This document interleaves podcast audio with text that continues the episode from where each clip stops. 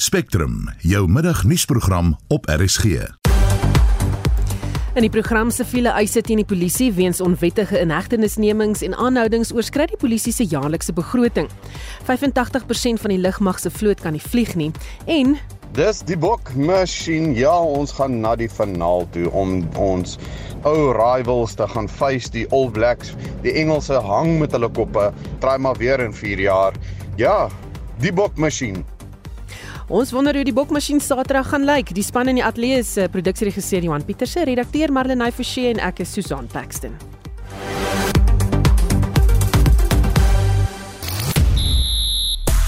Lewis Hamilton en Charles Leclerc word na die Amerikaanse Formule 1 Grand Prix in Austin, Texas gediskwalifiseer.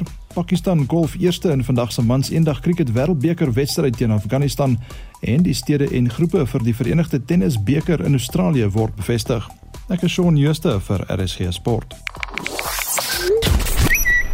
Op sosiale media is die gonswoorde Springboks, Bokke, Bongi, Aksenche en Sia en RSA teen Engeland met meer as 60000 boodskappe wat reeds onder hierdie hitsmerke gedeel is.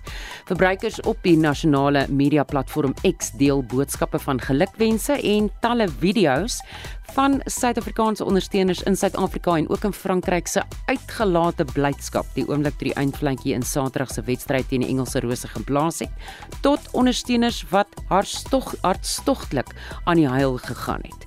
En dan net soos wat Shaun nou um, genoem het in ander sportnuus op sosiale media praat verbruikers oor Lewis Hamilton en Charles Leclerc wat gediskwalifiseer is van die Amerikaanse Grand Prix weens 'n tegniese oortreding. Ons praat ook steeds oor die uh, wedstryd die afgelope naweek. Dit was uh, nie mooi nie, maar 'n wen is 'n wen. Die Bokke se naalskraap 16-15 half eindstryd oorwinning teen Engeland. daarmee saam ook sommer 'n wen van die Proteas teen Engeland.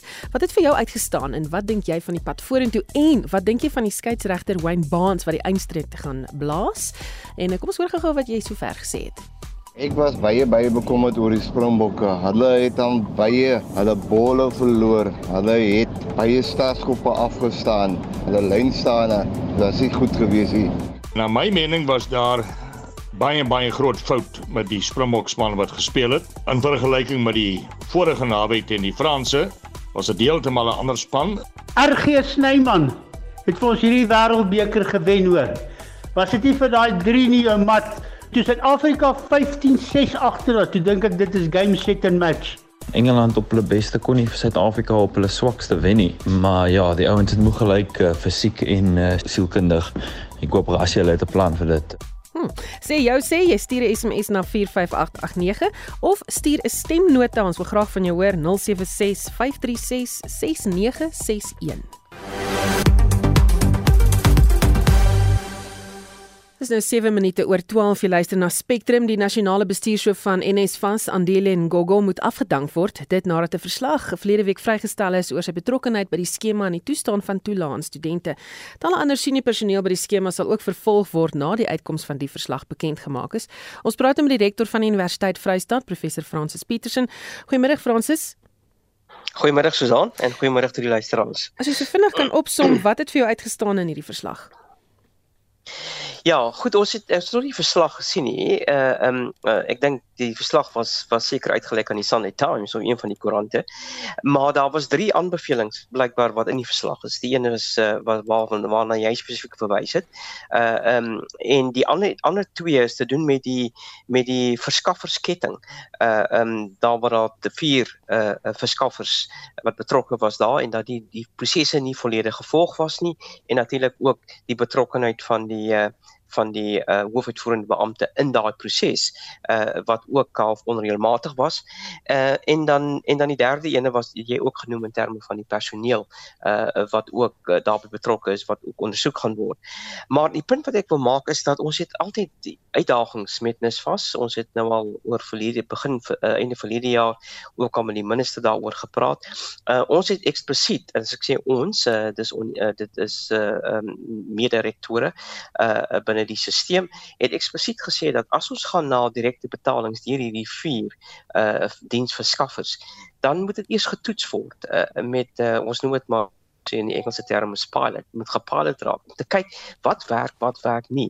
En jy kan dit net eenvoudig uh, deur 'n stelsel uitrol nie. En ek dink dit was een van ons grootste uh, uitdagings as 'n sektor en ons het dit genoem beide by die NISFAS en NISFAS raad sowel as ook met uh, die minister.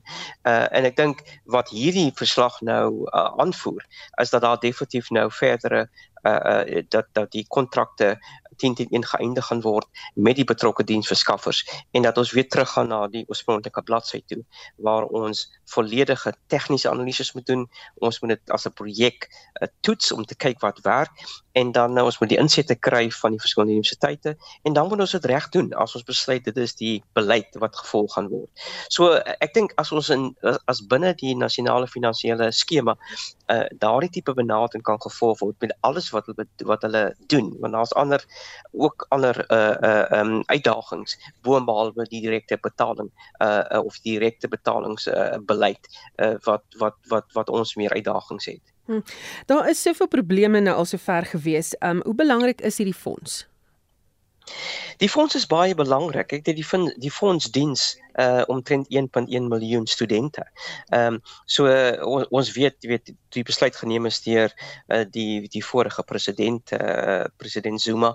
Uh was dit 'n bietjie druk van nis was want skielik moes hulle uh, baie studente uh uh, uh op sisteme kry en hulle sisteme was nie in plek gewees nie wat mense kon verstaan het want die besluit was baie baie vinnig geneem en ek dink NISFAS is nooit die geleentheid gegee om om werklik op te vang in terme van die agterstand wat hulle gehad het in in die in terme van die sisteme. En en en dit is 'n groot 'n groot uh uh uitdaging. Uh, dit moet nog steeds uh, deur hulle IT uh, uh departemente uh gekorrigeer word en seker te maak dat die kapasiteit en die aflewering op die regte standaard is. Maar dan is daar ander beleidsaspekte wat ingekom het in parallel, soos byvoorbeeld hierdie direkte betaling. Uh um en en daar is ook 'n uh, spesifieke uh, uitdaging in terme van uh, waar hulle akkommodasie toelaat uh um uh, gaan gaan die Engelse woord is cap en dit het ook 'n negatiewe impak op uh um op op op sommige uh, uh die meeste van ons van ons uh universiteite. So uh, daar daar is 'n daar's 'n baie sterk uh um uitreik tussen die universiteite die rektore die NISFAS raad en die minister.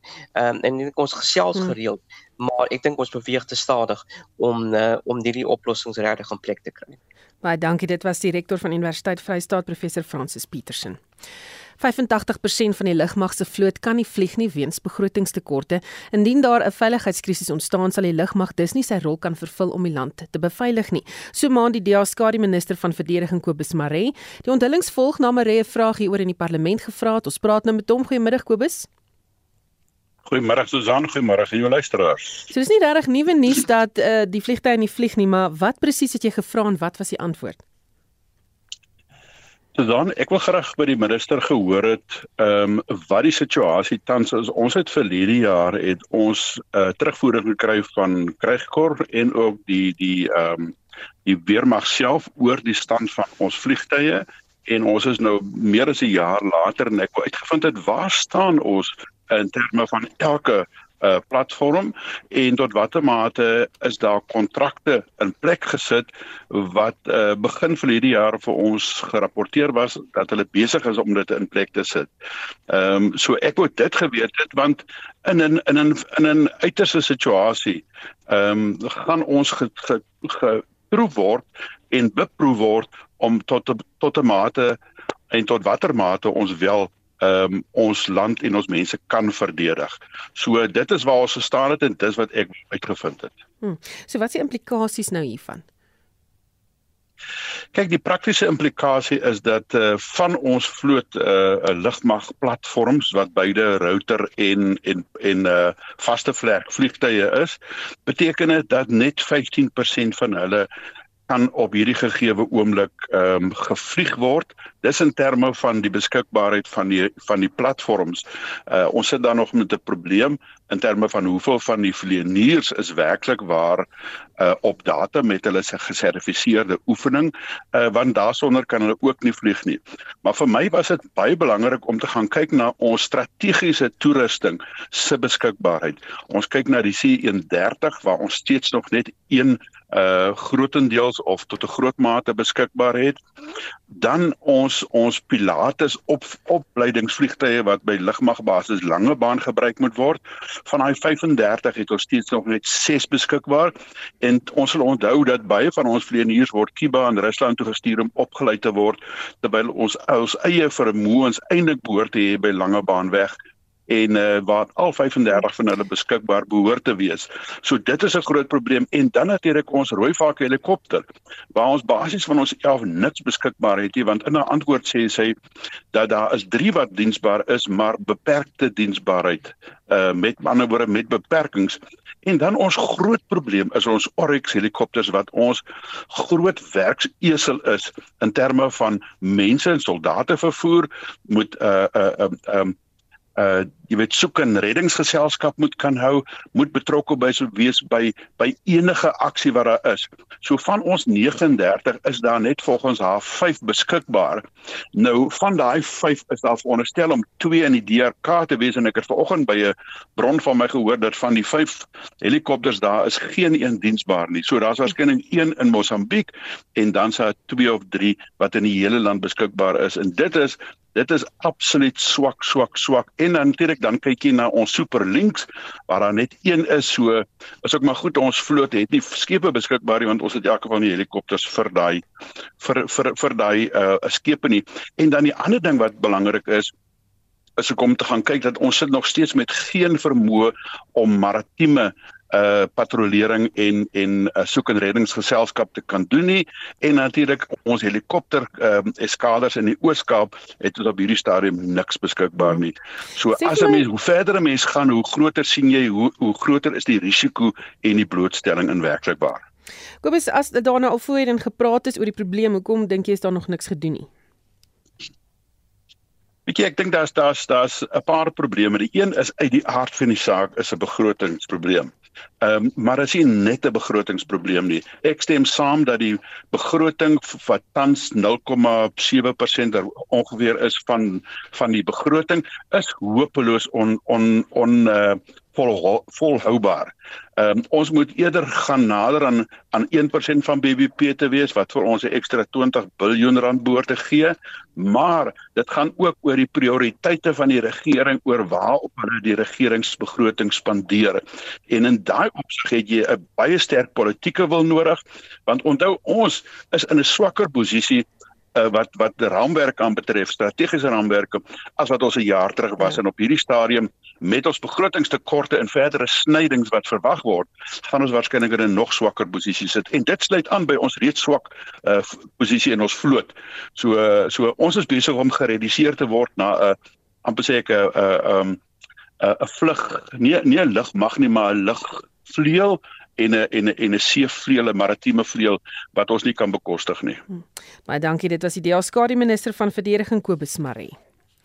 Siviele eise teen die polisie weens onwettige en onregmatige inhegtenisnemings en aanhoudings is meer as die polisie se jaarlikse begroting. Die eise beloop 108,7 miljard rand, terwyl die minister van polisie, Bekkie Cele, se departement se begroting 102,5 miljard rand is. Die inligting het aan die lig gekom tydens die begrotingsoorsig en aanbevelingsverslag wat Saterdag uitgereik is. Ons praat nou met Ian Cameron van die drukgroep Action Society. Goeiemôre Ian. Hallo Susan. Ehm um, sit ons met 'n boelie mag plek van 'n polisie mag wat die siviele eise tot gevolg het. Ja, ek dink dit is 'n boelie mag uh wel, dit is eintlik 'n boelie mafia mag as ons dit so mag noem want ons sien in dieselfde asem vandag dat die blou lig 8 terug uh uh op hulle poste is. So dit sê vir my hier is 'n wesenlike wesenlike krisis en dit lyk ook asof siviele eise uh, eise drasties toeneem. Jy weet 'n paar jaar terug was dit minder as 'n derde van die begroting, nou is dit sommer meer as die hele begroting. Hm. Ehm um, maar wat is die grootste probleem? Hoekom gebeur dit dan nou dat dit nie vasgevat word nie? Ons het so uh eintlik so 2, 3 weke gelede was daar 'n baie interessante uh paar grafieke en en datastukke wat die Instituut vir Sekuriteitsstudies bekend gestel het wat 'n baie mooi uit 'n uh, oorsig gegee het van hoe die dissiplinêre struktuur in die polisie in duie gestort het en hoe min beamptes regtig enige vorm van dissiplinêre aksie teen hulle sien wanneer hulle blaatante goed verkeerd doen en dit sluit natuurlik kriminele oortredings of hierdie tipe goed soos 'n uh, en of hierdie tipe goed soos 'n onregmatige arrestasie in. En dit is net asof dit op absolute dowe ore val maar die blou lig 8 is 'n goeie voorbeeld daarvan en dis een wat almal nou ken maar hierdie tipe insidente waar byvoorbeeld 'n polisiebeampte iemand aanrand is dikwels die wat op die ou end groot siviele eise uh, teen die polisie veroorsaak En dan natuurlik sit ons met 'n geval waar die staat se se vermoë om hierdie tipe goed uit te sorteer, op te los, te ontlont ensovoorts minder en minder raak en dit maak dit baie moeilik dan en natuurlik hoop dit dan op en op die ou end sit ons met astronomiese bedrae soos 108 miljard rand. Hmm. Die hangende siviele sake is van hulle nie bietjie oordrewe en in die meeste gevalle dalk lede van die publiek wat 'n kans vat nie. Ek is seker daar's 'n klomp van mense kanse vat. Ehm um, die probleem is egter dat die die staat die tendens toelaat. Jy weet as hulle ingetree het en die goed ontlont het, gekyk het na mediasieprosesse wat gevolg kon word om die goed uh, jy weet op te los en 'n uh, en 'n middeweg te vind, dan sou dit nie noodwendig nodig gewees het nie. Ek dink ook die staat maak dit dikwels maklik om uh jy weet kom noem dit maar goedkoop skietgoed teen hulle te kry. Jy weet dit dit is eintlik 'n geval van die polisie doen so baie verkeer dis partykeer moeilik om te kies watse probleem jy eers moet noem. En uh, en dit maak dit regtig uitdagend en ek dink is veral uitdagend vir beamptes aan die binnekant want doen hulle die regte ding is daar siviele eis teen hulle, doen hulle die verkeerde ding is daar ook 'n siviele eis teen hulle. En op die ouens sit jy met 'n geval waar kriminele begin teen eise loods net omdat hulle uitgevang is vir hulle eie kriminele dade. So die polisie is in 'n bitter moeilike plek met leierskap wat eintlik 'n politieke politieke agenda dryf in plaas van 'n polisieeringsagenda. Net laastens, jy het verwys daarna waar trek die saak met hierdie blou lig brigade? Wel, hulle is hulle is mos nou uit op borg uh en uh ons het nou verneem dat hulle terug uh by die werk is. Baie kommerwekkend. Die nasionale kommissaris het einde verlede week gesê hy is nie seker waar staan hulle in diensnemingsproses op die stadium nie. Is hulle in diens? Is hulle nog geskort of dan nou nie? Hulle het net bevestig dat die skorsingstydperk uitgeloop het en ons het vanoggend nou verneem dat hulle wel terug op hulle poste is. So so ons gaan nou natuurlik aangaan met met prosesse. Ons het self gehelp met 'n siviele eis teen die polisie, ehm um, teen die minister nasionale kommissaris, maar ongelukkig klink dit vir my hulle is terug by die werk, so ons het baie om te doen om hulle weer verwyder te kry. Baie dankie, dit was een Cameron van die drukgroep Action Society. Solidariteit se Navorsingsinstituut het onlangs 'n peiling onder polisielede gedoen om die polisie mag se werksomstandighede te bepaal. Die ondersoek dui op 'n ernstige gebrek aan basiese hulpbronne wat 'n invloed het op die insameling van hofbewyse. Ons praat nou met Renate Barnard, Solidariteit se sektorkoördineerder in die openbare sektor. Goeiemôre Renate. Goeiemôre. So wat is die grootste tekorte wat in die mag voorkom?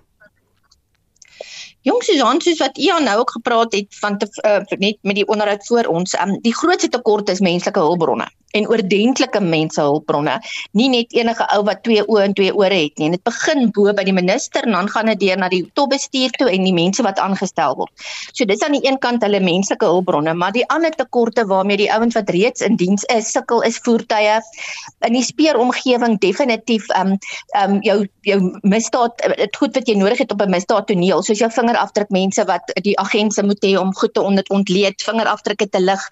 So die goeders is is dis legio. Dis basiese goed wat elke polisieman nodig het om sy basiese take te verrig en dit is nie daar nie. Hulle sit in kantore wat uitmekaar uitval, geboue val letterlik in mekaar in. En hierdie mense se moraal is bitter laag. As jy by 'n werkplek instap en daar's nie eens toiletpapier hmm. of 'n toilet wat funksioneer nie, hoe op aarde verwag jy met 'n professionele diens doen? Hoe beïnvloed dit die insameling en selfs die berging van bewyse? Weet jy wat? Insameling is 'n groot probleem. Op 'n stadium het hulle tekort aan crime kits gehad vir um vir verkrachtingsslagoffers um dit is 'n groot probleem. Die goeder is verval. As jy ouens nou op die toneel kom en dan sien hulle maar hoe die dinge al 6 maande terug verval. Daai goed word in die howe aangevat deur prokureurs. So dis tegniese punte waarop groot sake uitgegooi word. En dan die berging van daai goeder by die um forensiese laboratorium in Pretoria sukkel hulle geweldig met um, met bergplek ook as gevolg van die feit dat daai kantoor uitmekaar uitval. Jy weet van die goeder staan in die gange. So dit is absoluut daai daai ketting van bewysstukke wat ge gekontamineer word. Ek wil jy teken jy, jy kom op 'n toneel, jy lê beslag op goed. Dit word ingehandig in 'n SAP13. Iemand anders neem dit by jou oor. Dis 'n ketting verklaring wat verkry word totdat hy by forensies uitkom waar hy ondersoek moet word. Dan moet dit weer op 'n manier vernietig word. So daai daai daai ketting en is basiese goed Susan, dit is nie rocket science nie, word net nie nagekom nie. Nommer 1 as gevolg van die feit dat die ehm um, dat die kantore regtig in 'n in 'n verskriklike toestand is en dit is die polisie se skuld, maar dit is ook openbare werke se skuld. En dan ook die ander kant van die ehm um, dit is mense wat in diens is wat in elk geval nie wat vere voel, jy weet, wat nie daar moet wees nie. Hmm. Hoe moet hierdie probleme opgelos word? Wel ek het gesê ons moet begin by die regte aanstellings. Weet jy wat dit is? Ek praat elke dag met polisie mense en daar's ongelooflike goeie lede nog steeds daar buite wat moedeloos is, wat voel as jy met 'n uniform in die straat loop en dink mense jy is of te dom of jy's korrup of lui en dit is regtig waar dit is ek voel jammer vir hulle, maar dit moet begin by 'n politieke wil om die polisie te laat werk. En beginnende by die minister, ek bedoel hy moet minder op op TV wees en misdaadtonele homself vertrap en hy moet begin om sy politieke plig na te kom. Ek dink in elk geval dat sy expiry date is al lankal verby en dan moet hulle mense aanstel, die nasionale kommissaris, iemand wat uit die uit die omgewing uitkom wat nie geraamd is in die in die kas het nie en iemand met ruggraat soos aan en dan dan moet hulle begin met hulle um, hulle uh, recruitment ook. Jy weet op 'n stadium met hulle regtig waar nie dit is 'n dis 'n werkskepingsorganisasie. Dis nie mense wat passievol is om polisie werk te doen en om te dien nie. Dis mense wat nou maar net 'n werk wil hê en dan die die boonste vlakke word gevul met politieke kaders. Hmm. En dit is 'n groot groot groot probleem. So die oplossing gaan wees om ordentlike mense aan te stel. Baie dankie. Dit was Solidariteit se sektorkoördineerder in die openbare sektor Renate Barnard. Ons verskuif die aandag na politieke kwessies. Operasie Dedula het die naweek se eerste algemene vergadering gehou. Die organisasie herinner dalk aan die EFF se uitsprake wat dikwels as roekeloos beskryf kon word, maar die twee verskil hemelsbreed. En ons praat met professor Piet Kroukamp, 'n politieke wetenskaplike aan die Noordwes Besigheidsskool en uh, goeiemôre Piet. Goeiemôre Susan. Kan die twee partye as radikaal gesien word? Nee, ek dink mens as jy konsepte gebruik om iets te beskryf, uh, moet dit op 'n of ander manier verklarend wees van wat hulle doen. Tussen die die kom ek gee vir een groot verskil. Die EFF byvoorbeeld is pan-afrikanisties, met ander woorde, hulle glo dat uh, Afrika is een van die groter ekonomiese politieke eenheid en ons moet vrede maak daarmee. Dit doen die die doel het presies die teenoorgestelde. Hulle wil buitelanders uit Suid-Afrika hou. Hulle ontken dit, maar hulle word nader verbind met xenofobie. As jy hoor as jy 'n raakpunt met 'n ander politieke party in Suid-Afrika wil soek, moet jy miskien na Gayton McKenzie se Patriotic Alliance kyk. Hulle het presies dieselfde oogmerke wat dit kom wanneer kom by buitelanders. Ons het nog nie 'n verkiesingsmanifest of 'n beleidsmanifest van die Dula nie, so ons weet nog nie wat hulle beleid is wat ander uh sake aanbetref nie. Hmm. Die EFF het 'n oop grensbeleid. Dink jy EFF-lede wat nie met die beleid saamstem nie, sal deur operasie Dedula gelok word? Ehm um, jy breek 'n bietjie op maar ek neem aan jy sê uh, of ek dink dat EFF lede sal op 'n manier kan aanklank vind by nee ek dink nie so. Ek dink dis dis totaal vir ek ek is nie onseker hoekom mense baie keer dink dat daar 'n ooreenkoms sou wees net omdat dit twee groepe is wat resulteer onder 'n vorm van aktivisme. Uh dit die die twee partye het niks mekaar nie wat beleid betref nie, nie wat die geskiedenis betref nie, nie wat hulle steenbaas betref nie. Die doel het begin in Soweto en dit het hoofsaaklik begin in weerwil en in weerstand van buitelanders wat winkels besit het in in in in in, in Soweto en ook die persepsie dat buitelanders ver, verantwoordelik was vir misdaad in Soweto. Die organisasie het so 'n bietjie uitgebrei na KwaZulu-Natal toe, maar omdat die demografie nie dieselfde is hier waar verskriklik baie buitelanders bly nie en daar ook nie in KwaZulu-Natal so geweldig baie buitelanders wat winkels en spaza shops besit in in in die in die in die, in die informele nedersettings in die townships nie. Is dit eintlik nie dieselfde ding nie. Dit is maar net die Damini wat uh, die ding begin het eintlik as dit ware. Hy het hy is hy is hy Zulu sprekend. Dis hoekom daai verbintenis bestaan. Hmm. En dink jy operasie Dedula gaan 'n betekenisvolle getal stemme tydens volgende jaar se verkiesing kry? Wel, ehm um, ek in Suid-Afrika van die eerste plaaslike regeringsverkiesing het in Soweto. Het hulle geweldig goed gedoen. Ek dink hulle het beter as die EFF gedoen en hulle het eintlik net een ticket gehad daar. Dit was die idee dat buitelanders misdaad veroorsaak en dat hulle uh werksgeleenthede vat by Suid-Afrikaners en dat dit die ekonomie op 'n of ander manier beheer ten koste van plaaslike besighede. Dit is die boodskap wat ek in Suid-Afrika verkoop het en dit baie goed gewerk. Bepaalde uh townships en bepaalde informele formele nedersettings werk daai boodskap baie baie goed. So hulle sal definitief in Soweto sal hulle goeie kapitaal maak. Ekurhuleni sal hulle goeie kapitaal maak. Waarskynlik Mamelodi in hierdie omgewing wat daai in die, die, die mense wat van buite af kom pertinent verskyn in die ekonomie en in die politieke stelsel en in die misdaadsyfers. Maar ek kan nie dink dat hulle enigsins verder politieke kapitaal kan maak in enige ander provinsie waarskynlik behalwe in Gauteng nie. Baie dankie, dit was professor Piet Kroukamp, 'n politieke wetenskaplike aan die Noordwes Besigheidsskool. Jy luister na Spectrum elke weekmiddag tussen 12 en 1. Later in die programme waarskuwing teen 'n geloofstryd in die Gaza-strook en die Matsikama munisipaliteit gaan polisie toe oor die beskadiging van waterinfrastruktuur wat inwoners 2 weke lank sonder water laat. Bly ingeskakel.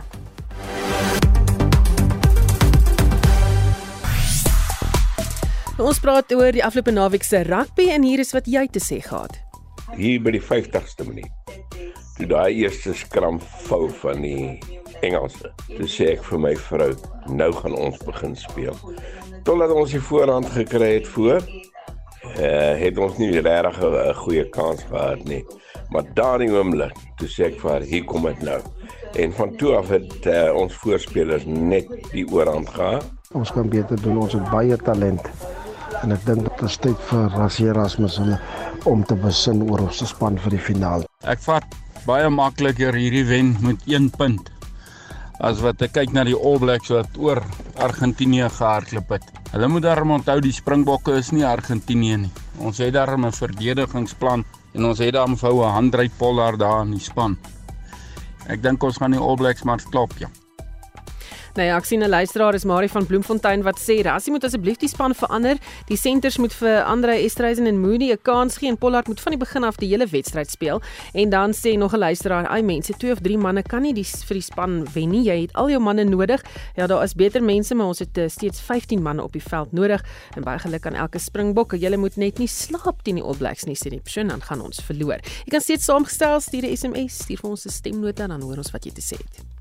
Hierdie sportbulletin word met trots aan jou gebring deur SABC Sport, die amptelike uitsaaier van die Rugby Wêreldbeker Frankryk 2023. Shaun Justus sluit nou by ons aan met die jongste sportnuus en ons begin met motorsport. Shaun, goeiemiddag. Middag Susan. Hoekom is die Brit Lewis Hamilton en Charles Leclerc van Monaco na die Amerikaanse Grand Prix gediskwalifiseer? Hulle is gediskwalifiseer na voltooiing van die na-ren inspeksie. 'n uh, Tegniese span het, het gevind dat die motor se vloerplanke onreëlmatige of oormatige uh, slytasie uh, getoon het Nou daar is ontsettend baie reëls waaraan spanne moet voldoen en die kleinste oortreding kan 'n groot verskil op die baan maak, maar die oortreding was daarom nie opsetlik deur Mercedes of Ferrari nie. Max Verstappen van Red Bull het natuurlik die Grand Prix gewen. Nou die res van die top 10 na die diskwalifikasie lyk nou so. Die Brit Lando Norris skuif op na tweede en die Spanjaard Carlos Sainz na derde. Verstappen se spanmaat Sergio Perez is vierde en George Russell vyfde in die ander Mercedes. Pierre Gasly eindig nou 6ste, Lance Stroll 7de en Yuki Tsunoda 8ste en Williams se Alex Albon en Logan Sargent eindig nou 9de en 10de. Pakistan en Afghanistan sê mekaar die stryd aan in die mans eendag kriket wêreldbeker toernooi, wat is die jongste? Pakistan het die lood vanoggend gewen en gekies om eerste te kolf na die jongste beskikbare telling. Is Pakistan 133 vir 3 na 28.5 balbeurte. Die stede en groepe vir die gemengde spanbeker toernooi in Australië is vanoggend bekend gemaak en groot name is op hierdie spanlyste ingesluit. Ja, Novak Djokovic van Servië, Iga Swiatek van Polen en die huidige kampioene van die TSA, Taylor Fritz en Jessica Pegula in die span begin hulle uh, seisoen in Perth.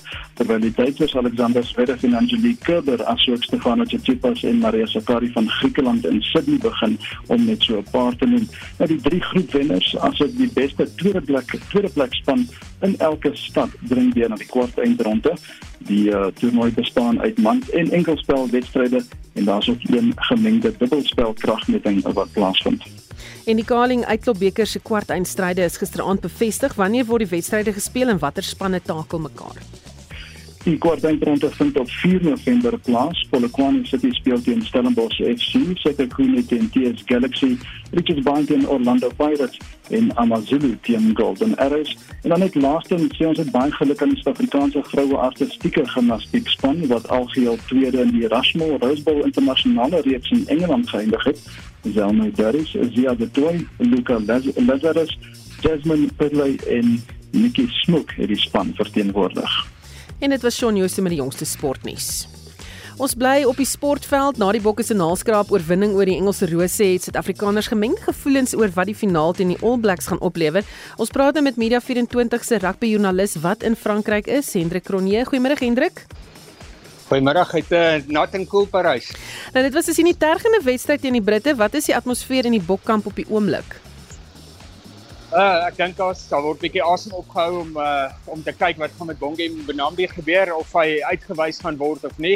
Uh wêreld rugby kyk so 'n bietjie na die saak, maar ek uh, ek moet sê ek dink die Bokke sal reg wees vir die eindstryd. Ehm um, die die halfeindstryd teen teen teen uh Engeland was baie moeilik geweest, maar ek dink die Bokke sal oorgehaal wees. Hulle wil bitter graag hulle titel suksesvol verdedig en uh, ek dink ook ons gaan beter rugby sien. Uh, die afgelope naweek teen Engeland was dit darm nie 'n mooi toets om te kyk nie, maar Nieu-Seeland se meer aanvallende spel en en ons weet Suid-Afrika het aanbeweeg na meer aanvallende spelpatroon toe. So ek voorspel 'n mooi rugby in die eindstryd. Hmm. Wat van afrigter Jacques Ninaber en Rassie Erasmus, hulle al iets gesê? Vanmiddag kwart voor 5 dis weer 'n uh, nuuskonferensie met Rassie Huys aan aan die woord. Jacques was net na die nuus net na die eindvletjie in in die in die uh, halfeindstryd was hy aan die woord gewees. Hy hy hy's maar baie versigtig om om uh jy weet om te veel te sê maar gewoonlik is Rassie as hy in die beurt kom want hy nou 'n bietjie weet meer kans gehad om na die video ontledings te kyk en uh dan gee hy ons gewoonlik so 'n bietjie 'n beter agtergrond wat moet te verwag nie naweek. Mm. En uh, gaan die bokke enigiets aan hulle voorbereidingsproses die week moet verander om gereed te wees vir die All Blacks? Ek dink die grootste voorbereiding gaan maar gaan maar van die veld af wees. Uh, jy weet, daar's nie 'n kans die speler nou vinniger, fikser of sterker gaan word in 'n week se tyd nie. Ek dink dit gaan meer 'n kwessie wees om hulle lywe behoorlik uitgerus te kry en ook so 'n bietjie van die emo emosionele bagasie ontslae te raak. Uh die Bokke het 'n bitter moeilike pad gehad tot in die eindstryd. Ons het die by by verre die moeilikste wedstryde gehad. As jy nou vat, dis Skotland, dis Ierland, dis Frankryk, dis Tonga. Tonga was kliphard geweest en jy weet ons by halfenstryd kom toe kry ons 'n Engeland span wat al bietjie beter begin speel het. So dit was baie moeilik. Ek dink uh, uh, hulle moet seker maak hulle is reg ingestel vir die vir die vir die wedstryd en behoorlik uitrus vir die eindstryd. En enige veranderinge aan die beginspan wat gemaak gemaak moet word wat gaan uitdraf Saterdag? Uh, dis nog te vroeg om te sê. Die Springbok het eers middag 3 uur hulle eerste oefening en en dan sal ou nou, gewoonlik kry ou so teen 'n maandagmiddag en dinsdag kry ou beter aanduiding. Maar ek dink daar sal 'n paar besluite geneem moet word. Die laaste tyd was dit duidelik dat van die bomsquad se spelers het 'n het 'n groot indruk gemaak. Ek dink van die moeiliker besluite wat loop hulle wag en hulle verhard met die beginspan wat teen Engeland gespeel het. Gaan hulle byvoorbeeld kyk aan Naam Pollard te laat begin. Uh, ek dink die weer weer voorspelling vir die naweek gaan 'n invloed hê want ons het gesien hulle vir Mani Libok vroeër afhaal uh en vir Pollard ek dink sy rondom die 31ste minuut is is is Libok afgehaal uh want wanneer dit gereën het wind gewa, uh, die wind het gewaai en toe was dit net beter toestande uh vir Pollard om in te speel. So ek dink daai die die weervoorspelling vir Saterdag aand gaan 'n invloed hê of 'n Pollard byvoorbeeld op 'n uh, 10 gaan begin en of hulle met 'n uh, Libbok gaan gaan volhard. As dit as dit droë toestande is vir naweek kan dink ek kan gaan Libbok gaan hulle nie te veel uh, verander aan die span nie. Maar as daar weer reën voorspel word dan kan hy ou dalk sien dat Pollard inkom. Hulle kan dalk kyk of hulle met Jasper Wiese gaan terugkeer op Aksterman met Dwayne gaan volhard en dan Oks Nche speel baie goeie rugby gaan Kitshof dalk na die bank toe skuif en Oks gaan begin. Uh dit sal ons nou moet maar moet wag en sien. Jy weet ons dalk kry ou later vanmiddag 'n beter aanduiding maar hulle het nog nie vir ons 'n aanduiding gegee nie. Baie dankie. Ons praat met Hendrik Cronje, Media 24 se rugby spesialis skrywer wat in Frankryk verslag doen oor die rugby wêreldbeker. Hierdie sportbulletin is aan jou gebring deur SABC Sport, die amptelike uitsaaier van die rugby wêreldbeker Frankryk 2023. 22 minute voor 1 die Matsikama munisipaliteit in die Wes-Kaap het verlede maand strafregtelike klagte van opsetlike saakbeskadiging van waterinfrastruktuur by die polisie ingedien. Die beskadiging het daartoe gelei dat Vredendal en Van Reinsdorp vir 2 weke lank sonder water was. Die tydperk het midde die Namakwa blommeseisoen geval. Die polisie het nog niemand in hegtenis geneem nie. Die LER vir plaaslike regering in die Wes-Kaap, Anton Bredel, het die skade aan die munisipaliteit se waterinfrastruktuur as sabotasie bestempel. Die watertekort het 'n groot impak gehad op toeriste toeriste besighede en toeriste, sê Richard van Huisteen van Namakwa Toere. Baie van die besighede moes van hulle gaste wegwys omdat hulle nie geriewe gehad het om die basiese sanitasie benodigdhede na te kom nie. Baie van jou gaste sou hier opgedaag het maande voor die tyd bespreek en betaal en dan sou die gastehuise of hotelle vir hulle moet sê sorry ons kan jou nie help nie ons het nie water nie jy moet ongelukkig na die volgende dorp toe ry. En dit los 'n baie slegte smaak in die monde van jou toeriste Dis broodnodig vir 'n plattelandse dorpie, hierdie seisonale inkomste wat ons kry en wanneer jy hierdie mense moet wegwys in 'n baie goeie blommejaar, maak dit net soveel seerder op die lang termyn. Uh, baie besighede moes addisionele kapitaal uitlê om self hulle water te kan stoor wanneer daar tye was van watertekorte of wanneer daar wateronderbrekings was vir 'n dag of 3 as gevolg van pypleidings wat gebars het of van wanneer die opgaardamme leeggeloop het. Hulle is maar afhanklik van die munisipaliteit en die water wat die munisipaliteit kan verskaf. En dit was Richard van Huisteen van Namakwature. Die Matsikama munisipaliteit word deur 'n koalisieregering van die DA en die Vryheidsfront Plus bestuur. Ons praat nou met die waarnemende munisipale bestuurder van die Matsikama munisipaliteit, Lionel Phillips. Goeiemiddag Lionel. Goeiemiddag. Sê vir my hoeveel en Goeiemiddag aan al die luisteraars. Ja, hoeveel en watter skade is aan die waterinfrastruktuur aangerig?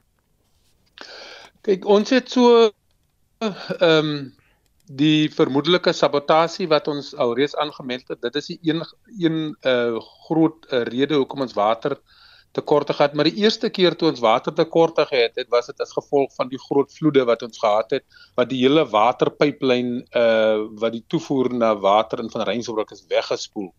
Um dit het vir ons um teruggehou vir 'n hele paar dae wat die van Reinsdorp gemeenskap aan die water gehad het nie en ons het uh, natuurlik baie hard daaraan gewerk in 'n tyd wat dit in die vakansietyd was. Dit was 'n lang naweek waar ons moes pype laat aanry vanaf ander dorpe en so aan. Ehm um, en in die in die stad uit en ons het dit so binne 4, 5 dae kon ons daai weggespoelde pyplyn kon ons weer terugsit en weer die water terugvoer uh, sit na Verreinsdorp. Dit was 'n interim oplossing wat ons ge, ge, gemaak het daar om so vinnig as moontlik water te kry. Want dis twee pyplyne wat die ene wat die reservoir voer en dan die ene wat die gemeenskappe voer. So dit het beteken dat uh, ons het nou net eene teruggesit en ons gebruik nou die een pyplyn om beide werke te doen wat voorheen deur twee pyplyne gedoen het. Dit het verdere um, natuurlik implikasies gehad deurdat dit uh, uh drukking, hoë drukkings in ons pyplyne gesit het wat uh dan abnormale pypbarste vir ons gegee het wat ons ook moes nog hanteer. So daardie vloedskade het vir ons uh redelik uh, groot gekos, uh, beide in ons eie uitgawes as 'n munisipaliteit, maar ook so vir ons uh, besighede en en en uh gemeenskappe in van Reinsdorp en soos die meneer nou voorheen genoem het dat uh, baie van die besighede se se se kliënte toe uh, gastehuise se kliënte het uh, uh weggegaan na ander plekke toe want uh wil nou sonder water wees.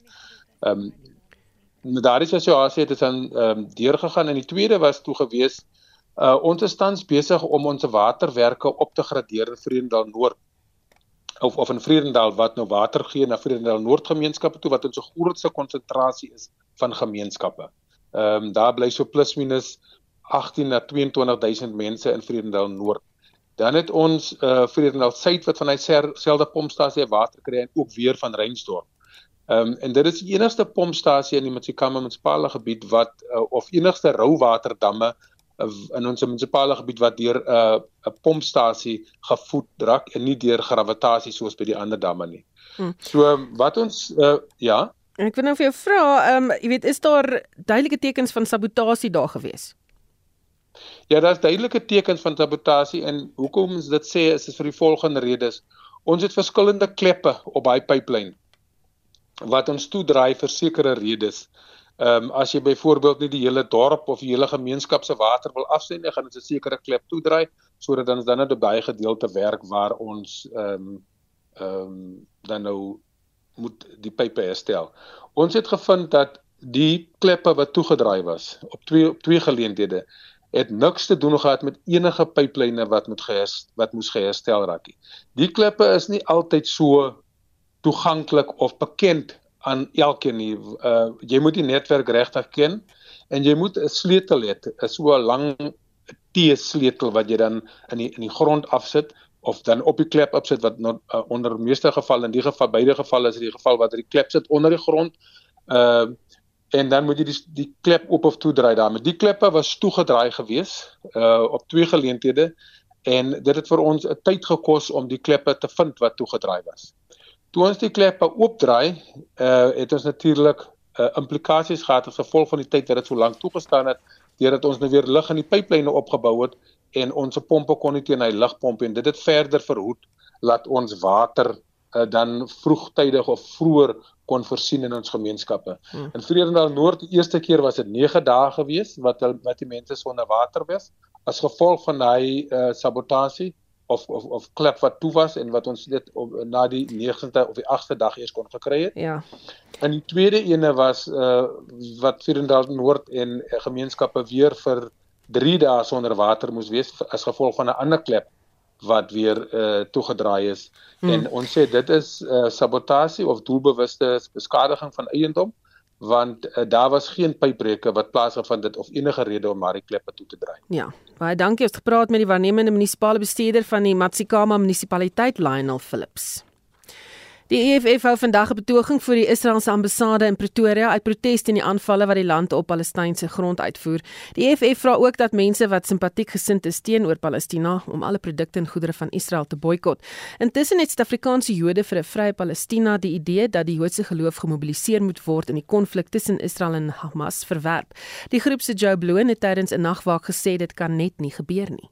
As South African Jews, many of us and many of our ancestors came to this country to escape the Holocaust and the pogroms in Eastern Europe.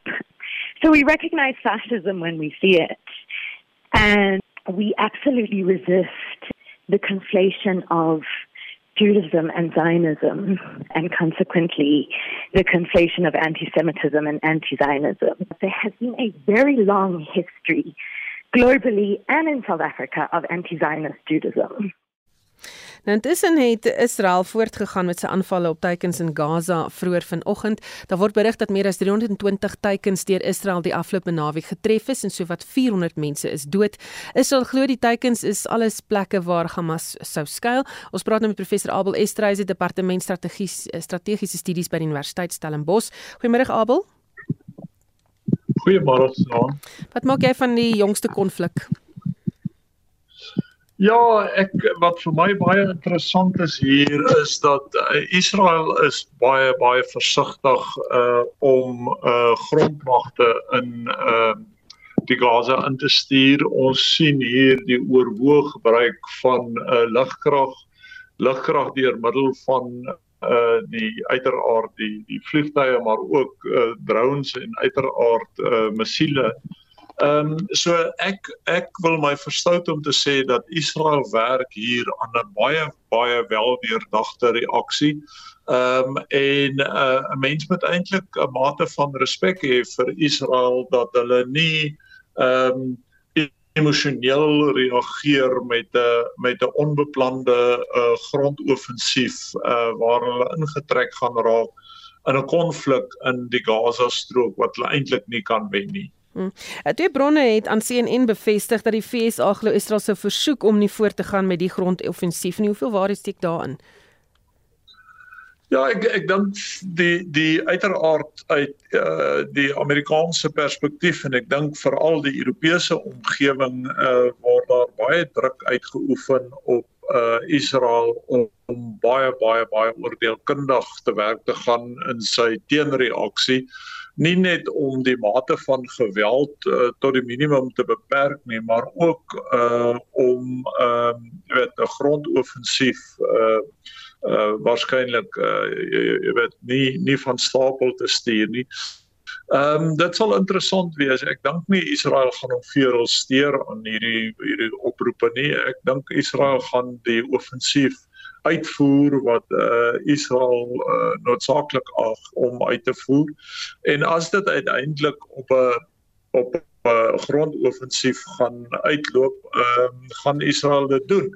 Maar ja, hulle gaan baie baie doelwit voorbereiding hier doen en hulle gaan uh Hamas uh, se vegvermoë aftakel voordat hulle inbeweeg met die grondoffensief en ek dink dis waarmee hulle nou besig is om lugkrag te gebruik om uh die slagveld voorbereiding te doen en en na masse vegvermoë af te takel. Hmm.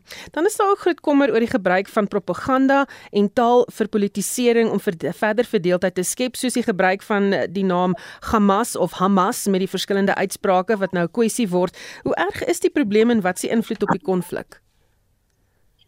Ja, sosiale media en die die demokratisering van die media tot 'n groot mate toe het eintlik meegehelp om uh die die uh propaganda die die hoogte te laat inskiet. Uh, Daar's geweldig baie spekulasie oor die oorlog. Daar's geweldig baie ehm um, uh, onwaarhede wat gedeel word oor die oorlog en is eintlik 'n proses wat wat geen grense het nie en dis eintlik 'n proses waaroor daar ook nie beheer is nie. So ek dink nie ons gaan enigiets kan doen aan die feit dat hierdie 'n baie baie groot propaganda oorlog soos ons maar tevens gesien het in die geval van die Oekraïne ook dat dit 'n geweldig geweldige propagandistiese uh, konflik begin raak um, tussen die die onderskeie vegtende partye. En hierdie is maar 'n proses wat deel geraak het van moderne oorlogvoering en die kommunikasie wat tot ons beskikking is. En dit het 'n 'n 'n 'n laag van kompleksiteit tot die oorlog toegevoeg wat ongelooflik is vir uh, die vegtenis vir die vir die media vir die uh, betrokkenes die leidende partye uh, almal trek eintlik en en word eintlik benadeel hierdeur. Hmm. Baie dankie dit was professor Abel Estreise van die departement strategiese studies by die Universiteit Stellenbosch. Vanmiddag se sake nuus word aangebied deur Dion Gosen, 'n portefeuljebestuurder by Netbank Korporatiewe Beleggings. Goeiemiddag Dion. Middag Susan en middag aan die luisteraars. Wêreldmarkte bly maar op die agtervoet in Oktober. In Amerika die mark in die rooi gesluit Vrydag. Die Dow Jones was 0.9% laer terwyl die S&P 500 1.3% en die Nasdaq 1.5% in die rooi gesluit het. Vanoggend in Asië, die Hong Kong mark was gesluit vir 'n vakansiedag. Die Japaneese Nikkei was laer met 0,8%. Die Australiese ASX 200 het 0,9% laer gesluit. In Europa op die oomblik is die Britse mark, die Britse FTSE 100 0.6% laer, die FTSE CAC, ag skus, die Franse CAC 40 0.2% laer en die Duitse DAX is af met 0.8%. In Suid-Afrika, die algehele indeks is laer met 0.3% en verhandel by 70013 punte. Die finansiële indeks is wel groen, die staan 0.6% op, First Rand en goed en staan 1,1.5% hoër. Die nywerheidsindeks is 0.1% hoër. Ons sien Troof se staan 2.3% op met Naspers wat 0.8% laer is. Die Hulbron indeks is 1.8% laer. Is steeds die platinum aandele wat swaar trek en Pala se op die oomblik 5% laer. As ons kyk na die kommoditeitspryse, goud is swakker met 0.2% en verhandel by 1978 punte, terwyl platinum laer is met 0.4% en verhandel by 889 dollar per fyn ons. Olie is ook swakker 0.5% af op die oomblik en verhandel by 91 dollar 72 sent per vat. En dan wisselkoerse, 'n dollar gaan vir jou R19.11 sent kos. 'n pond R23.23 en 'n euro R20.26. As ons kyk na die rentekoerse, die R2030 staats staatseffek verhandel tans by 10.78%. Daar is nie veel ekonomiese data die week nie. Luisteraars kan wel uitkyk vir die produksieprysindeks wat donderdag bekend gemaak word. Ons verwag verwag 'n verhoging na 5.5.1% van die vorige 4.3% oor 'n jaarbasis. Dankie. Dit is aan die einde van die sake nuus. Dit was Dion Goosen, portefeuljebestuurder by Netbank Korporatiewe Beleggings. Working on Fire maak gereed vir die komende somerbrandseisoen en spanne hou 'n oefenkamp in George in die Weskaap. Dit is noodsaaklik om te verseker dat brandbestryders goed voorberei is om die uitdagings in die bestryding van veldbrande in die tuinroete streek gedurende die warm somer te hanteer. Tanya Krause doen verslag. Ah, ah, ah. Oh, kan goed. Dit is 'n chef. Ah. Die tuinroete is uiters vatbaar vir brande. Met sy welige woude en fynbosgebiede het dit al van die ergste brande in die land beleef. Suid-Kaap bestuurder by Working on Fire, Albert Snyman, sê die brandbestryders ondergaan streng assesserings om hul fisieke en emosionele gereedheid te toets om moeilike en soms lewensgevaarlike situasies te hanteer. Dit is belangrik vir 'n uh, firefighter om fit te wees om uh, baie goed uh, opgeleid te word want uh, dit is baie intensiewe opleiding wat hulle kry om in die berg op te gaan en uh, vuur te gaan veg in die berg vir is baie stamina om vir jou daarbo te kom en die vuur te veg en sodoende ook die vuur dood te maak daarbo en um, as jy nie fit is dan gaan jy nie dit kan maak om daarbo te kom en die vuur dood te maak. Al is hulle gesoute brandbestryders, is dit nodig dat hulle deur die opleiding gaan. Dit behels werklike scenario's wat die uitdagings naboots wat brandbestryders in die veld kan teekom. 'n Brandbestryder, Kurt Jacobs, sê hy is gereed vir die seisoen. Ek is ek is 8 jaar en ek is gereed nie. Ek is baie gereed vir dit en ek is excited even so dit want ek hou van my uitleef aan die aan die season en want ek weet ons is hier om ons ons slogan is as restoring dignity and protecting the environment. So dit is wat ek op neer sien om ons omgewing te beskerm van brande en so voort. 'n Brandbestryder Enzo Breintjies sê die opleiding is moeilik. Ja, toe ek om die trein gaan, toe was dit 'n bietjie taaf, maar ek het gemaak en ek is dankbaar. Ek was alleen, die vader was met my in my Wij werken niet meer samen was. Hulle my gestoor daar waar mense wil opgegee dit mense opgegee. Bykans 1100 toegewyde brandbestryders in die provinsie neem tans deel aan die opleidingskampe wat gelyktydig in George en Bredasdorp in die Oeverbergstreek plaasvind. Ek is Tanya Krause op George in die Wes-Kaap. Marlies Skeepers het vir ons die nuus dopgehou en uh, wat gaan aan? Ja, vandag is die laaste dag vir belastingbetalers wat nie voorlopig belasting betaal nie om opgawes by die Suid-Afrikaanse Inkomste Diens in te dien. Ekonome voorspel dat die taksman van sy teikens kan mis met korporatiewe inkomstebelasting wat die swakste presteer. Die Inkomste Diens maan dat hy strenger gaan optree teen belastingbetalers wat hom doelbewus probeer ontduik. En die Tshwane met die Tshwane busdiens sou vandag die diens hervat, maar talle van die busbestuurders wat by die werk opgedraag het, het geweier om die busse te bestuur. Die burgemeesterskomitee lid vir paai en vervoer, Katlego Matebe, sê bestuurders van die Areyeng busdiens se busse is egter almal op die pad. Out of the 160 buses that were supposed to be out this morning, only 36 went out. 10 drivers reported sick or on other forms of leave, and all other drivers reported for work but refused to take their shifts. Communication went out to all the TBS staff members, assuring them of their safety. And I can safely assume that it is part of the strike because they did report for work, but they refused to take their shifts. Die departement van onderwys in Noordwes het bevestig dat 5 laerskoolleerdlinge van die Khololosego Laerskool in Ventersdorp uit die hospitaal ontslaan is. Die leerdlinge het Vrydag sherbet by 'n straatverkoper naby die skool gekoop en geëet waarna hulle siek geword het. Die departement het die skool en die plek waar die lekkerny gekoop is besoek en die voorval word steeds ondersoek. En dan is 27 vermeende slagoffers van mensenhandel in Edenvale aan die Oosrand gered. Die slagoffers is almal van Ethiopië. Die polisiewoordvoerder, Zolani Fitla, sê dit is nie duidelik hoe hulle die land binne gekom het nie. Hulle is intussen vir ondervraging ingeneem. The officers proceeded to the given location and upon their arrival, they found approximately 30 illegal male immigrants who were trafficked into the country.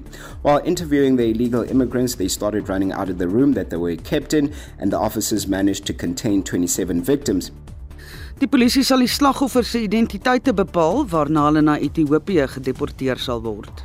En dit was Malie Skeepers wat vir ons die nuus opgehou het. Hy sê vir ons groete, 'n klomp mense wat nog saamgesels oor die rugby en 'n granny wat sê bokke wel gedaan. Ek het my gesig op die radio gehad en 10 keer het hy gesê sterkte sterkte en good luck vir die naweek sê sy.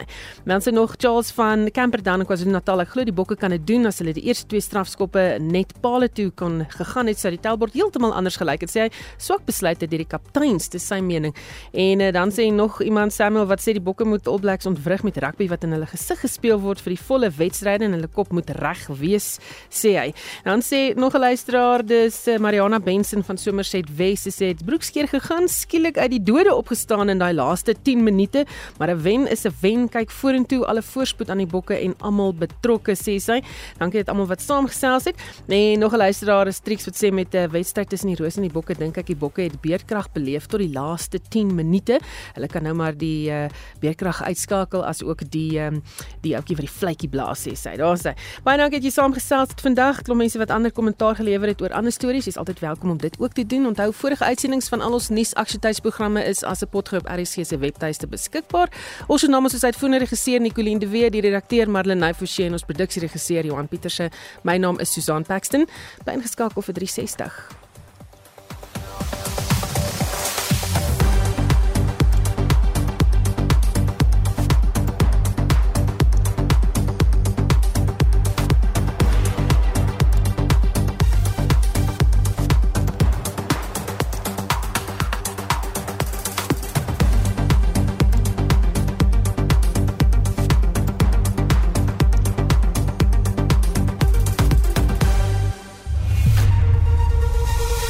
SAK nuus. Onafhanklik, onpartydig.